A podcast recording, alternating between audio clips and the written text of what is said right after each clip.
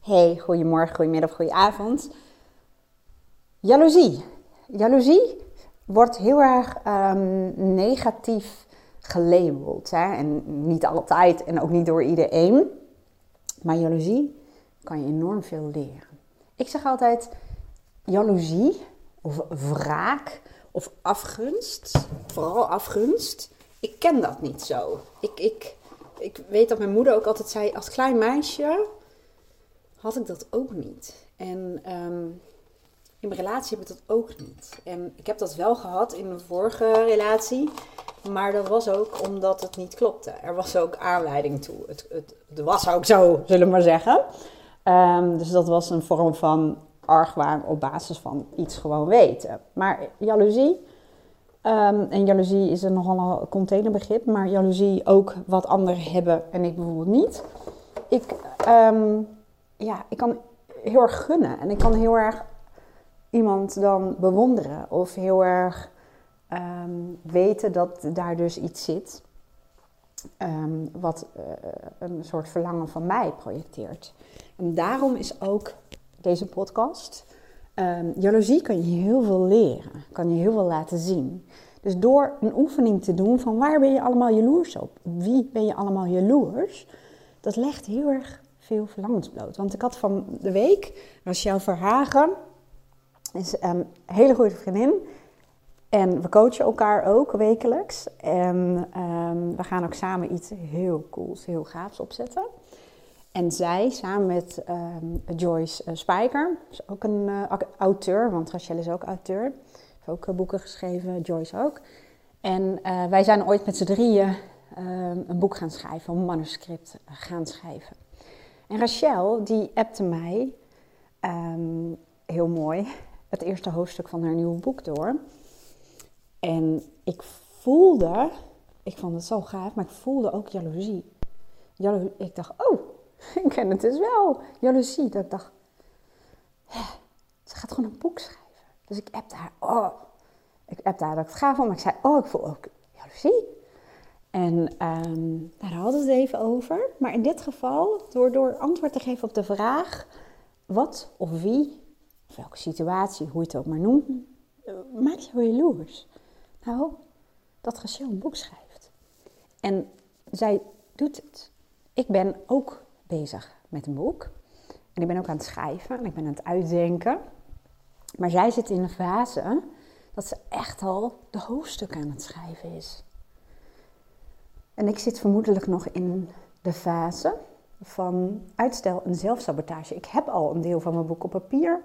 En dan merk ik, ja, dat voelt dan, dat is hem dan toch niet helemaal. En ik zit in de denkfase en ik weet ook als coach, als iemand anders dit zou doen, zou ik denken, hmm, daar ga ik even mee aan de slag. Dat ga ik voor mezelf ook wel doen hoor. Maar uh, soms heb je even een duwtje nodig. En dat is Rachel met haar echt boek. Nou, ik ga er niks over vertellen uiteraard, dat snap je. Maar ik kan je wel verzekeren dat ik weet dat een heel groot gedeelte van Nederland zometeen elkaar plat loopt bij de deur van de boekhandel, bij wijze van spreken.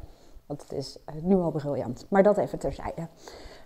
Um, maar ja, probeer me. Ik ga het ook even doen. Hè. ik, ik, ik bereid mijn podcast nooit voor. Ik put heel erg uit de info die ik al heb, de ervaringen, eh, de kennis, de verhalen van mensen, de verhalen van mezelf, mijn eigen processen. En um, als ik die vraag zou beantwoorden, op wat en wie ben ik jaloers? Nou, op die een sabbatical neemt en uh, daarin zit sinds 1 april. Och man, die voel ik echt. En sabbatical is bij haar eigenlijk net zoals het sabbatical die ik voor mezelf zou voor, voor me zien. Niet dat je helemaal vrij Dus Zij doet vooral in haar sabbatical alleen maar de dingen die ze leuk vindt met de mensen waar ze graag mee omgaat.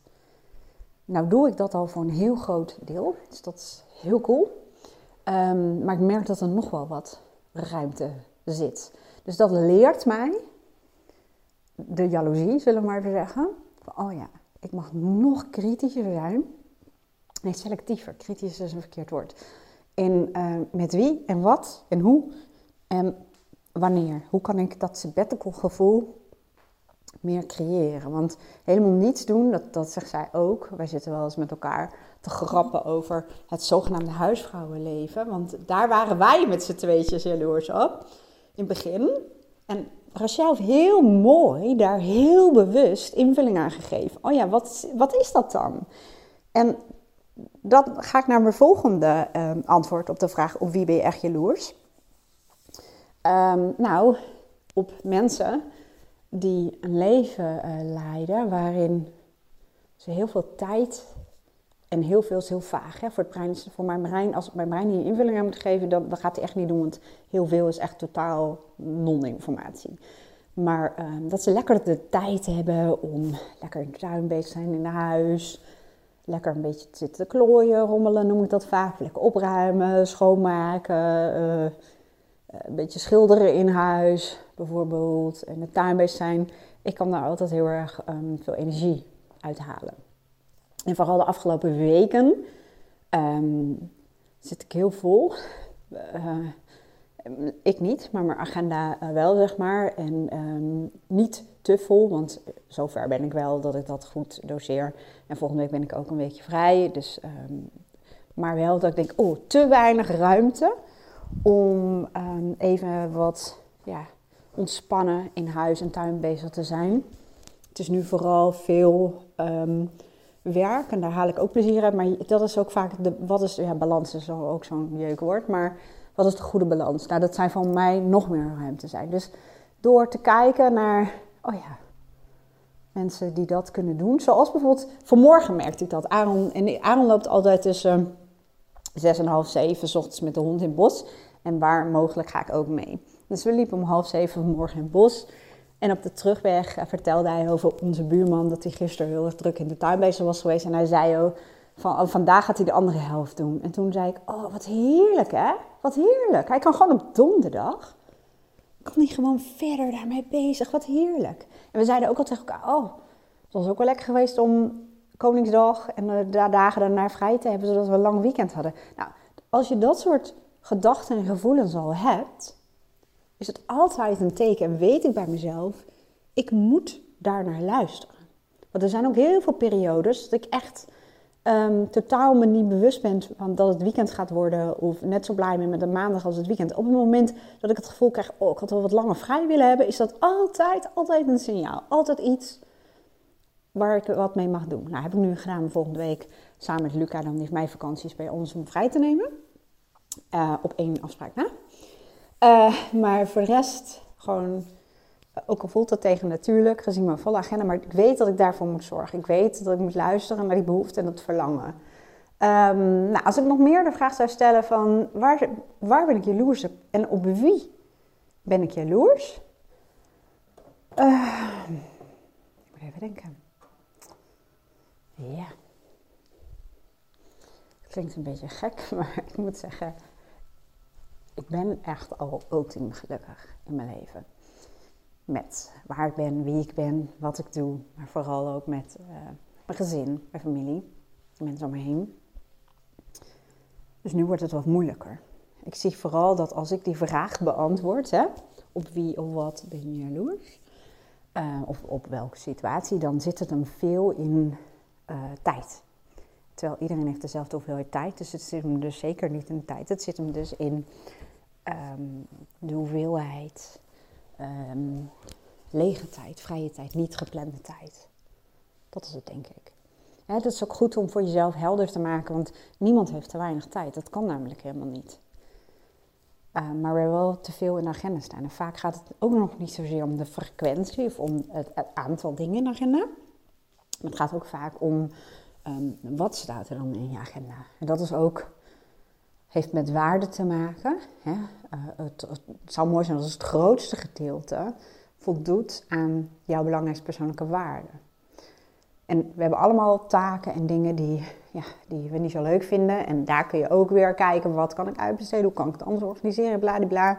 Het wil dus niet zeggen dat je alleen maar doet wat je leuk vindt, want zonder weerstand, bij wijze van spreken, is er ook geen groei.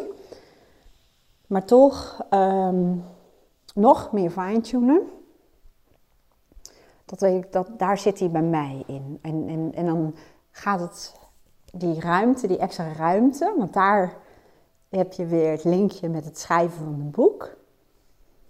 Het schrijven van een boek, hè, mijn eerdere manuscript zullen maar zeggen, ik heb meegeschreven met een boek. Ehm, ik heb me toen opgesloten als het ware in een huisje, een zondagschool heette dat in Aalten. En daar had ik echt een soort regime voor mezelf. Nou, dat werkt gewoon fantastisch. En ik wandelde en ik deed en uh, er was ruimte. Ruimte voor het creatieproces. En voor ruimte gaat over, over uh, voldoende tijd. Niet een uurtje tussendoor. Of als ik een blok heb van twee uur. Dat werkt bij mij niet zo goed. Tenzij ik een deadline heb. Maar voor een boek is het hele creatieproces een beetje een wisselwerking van wat deadlines. Heeft maar ook genoeg ruimte om dingen te laten ontstaan. Door, door na te denken over de structuur en noem het allemaal op. Um, dus dat, maar het heeft ook te maken met, stel dat ik een paar middagen vrij zou blokken. Het heeft voor mij ook vaak te maken met, um, en dat herken je misschien dan wel, dat, dat ik um, mijn hoofd, ja leeg, je hoofd kan niet leeg, maar uh, dat ik niet nog allerlei dingen moet doen. Of dat ik nog heb ik, dat ik een hele drukke ochtend heb gehad en dan nog even af moet winden, zoals ze dat zo mooi zeggen. Dus je ziet dat er allerlei soort van uh, dingen belangrijk zijn voor dat creatieproces. En dat is, ik lul nu heel eind rond, heb ik in de gaten. Maar dat is precies wat ik eigenlijk bedoel met als ik die jaloezie voel. Dat Rachel een boek schrijft en de jaloezie voel bij mensen die het, het zo hebben ingericht. Dat ze al, nou, altijd, dat ze meestal de tijd hebben genomen om ook spontaniteit, om dingen in te kunnen, of om spontaan dingen te kunnen doen in de ruimte. En ik heb voor een heel groot deel van het jaar, heb ik dat al zodanig georganiseerd. Maar merk ik, daar wil ik nog een soort van stap in zetten. Dat zou nog beter voor me voelen. Net als ik heb ook gezegd, als ik, als ik later groot ben. Nee, uh, als ik steeds meer me. Eh, ik noem dat passief inkomen, maar het, het is echt het is zo'n mislukt woord. Want mijn academy en dat mensen programma's en courses en tools kopen. Klinkt superleuk. Hè? Het passief inkomen, ja. Want dat inkomen komt binnen op het moment dat ik boodschap aan het doen ben, op het moment dat ik slaap, op het moment dat ik op vakantie ben, op het moment dat ik met iemand anders in gesprek ben, dan komen die aanvragen binnen. Een paar stellingen. Um, maar het woord passief inkomen is, is, is niet helemaal oké, want er zit echt wel werk in.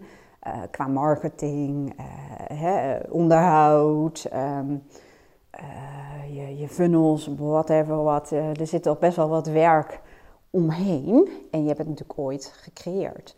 Alleen het is wel zo dat um, als je het helemaal op de rit hebt, wordt het steeds makkelijker. En dan heb je meerdere inkomstenbronnen die niet afhankelijk meer zijn van je uurtje, factuurtje, verdienmodel, zullen we maar even zeggen.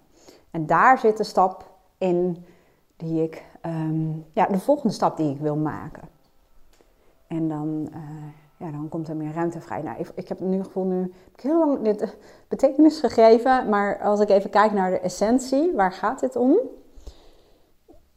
Het gaat om een oefening en dat is dat je jezelf de vraag stelt, op wie kun je echt jaloers zijn? Of op wat kun je echt jaloers zijn? Of um, op welke situatie? Of welke levensomstandigheid? En wie weet is het wel iemands huis of baan of whatever. Maar op het moment dat je antwoord geeft op die vraag, realiseer je dan dat dat een verlangen, een belangrijke behoefte, en daarmee zit er ook dus altijd een linkje naar je persoonlijke waarde, dat legt het bloot. En dan is natuurlijk de vervolgvraag, hoe kan ik daar meer invulling geven? Wat kan ik daar in mijn huidige leven al meer mee doen? Ik werk ook heel veel met schaalvragen en dan stop ik hoor. Een schaalvraag is bijvoorbeeld als ik met iemand een persoonlijk waardeonderzoek doe. Dat kun je ook zelf doen in mijn online academy met het programma um, Leven volgens je persoonlijke waarde. Dan um, vraag ik ze ook om een cijfer te geven als, als ze dus een bepaalde waarde hebben. Bijvoorbeeld vrijheid of avontuur. Laten we avontuur even nemen. Dan, vraag ik ook altijd, als je dat een cijfer moet geven, in hoeverre je nu conform die, uh, die waarde leeft, en het gaat over je tijd, over je aandacht daarvoor, um, en de mogelijkheden en de middelen, noem het allemaal maar op. Het puur op gevoel, in, op een schaal van 0 is helemaal niks, 0, 0, ik leef helemaal niet conform die waarde, en 10 is helemaal super geweldig. Wat komt er dan als eerste in je op? Nou, sommige mensen zeggen dan bijvoorbeeld een 6. Dan stel ik een schaalvraag van wat zou het een 6,5 maken? Of wat zou het een 7 maken? En zo gaan we verder schalen. En dan komen soms heel simpele dingen uit. Ik had op een gegeven moment ook een tekort in mijn waardeavontuur. Van mij kwam eruit um, wat dingen, een lijstje gemaakt om samen met Aaron bijvoorbeeld even um, de auto te pakken en naar Duitsland te rijden. En daar even lekker um, te struinen, ja, nieuwe plekken te ontdekken, even lekker samen te lunchen. Nou, en eventueel daar even wat boodschapjes te doen, want in het buitenland ziet het er allemaal anders uit.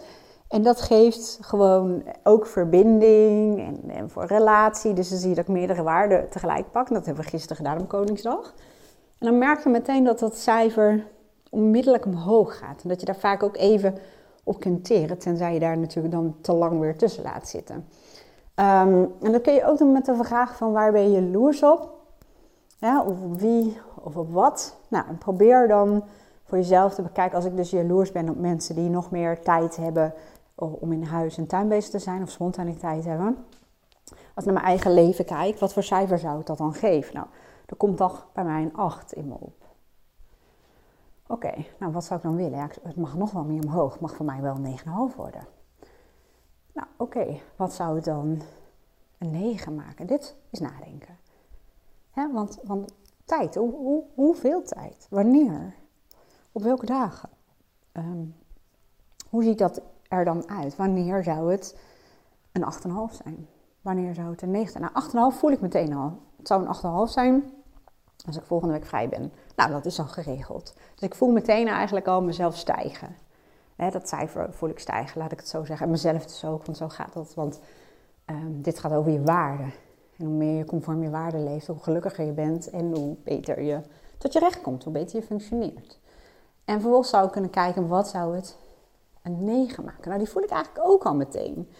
En die 9 zit hem erin dat ik uh, volgende week even de tijd neem, zeg een uurtje, om even goed naar mijn agenda te kijken en echt even te gaan zitten van hoe kan ik het de komende tijd tot onze zomervakantie zodanig organiseren dat het al als een negen voelt. Waar, hoe, wat ga ik dan doen? Ga ik dan een paar dagen vrij nemen of ga ik wat blokken erin zetten? En dat is ook even denkwerk.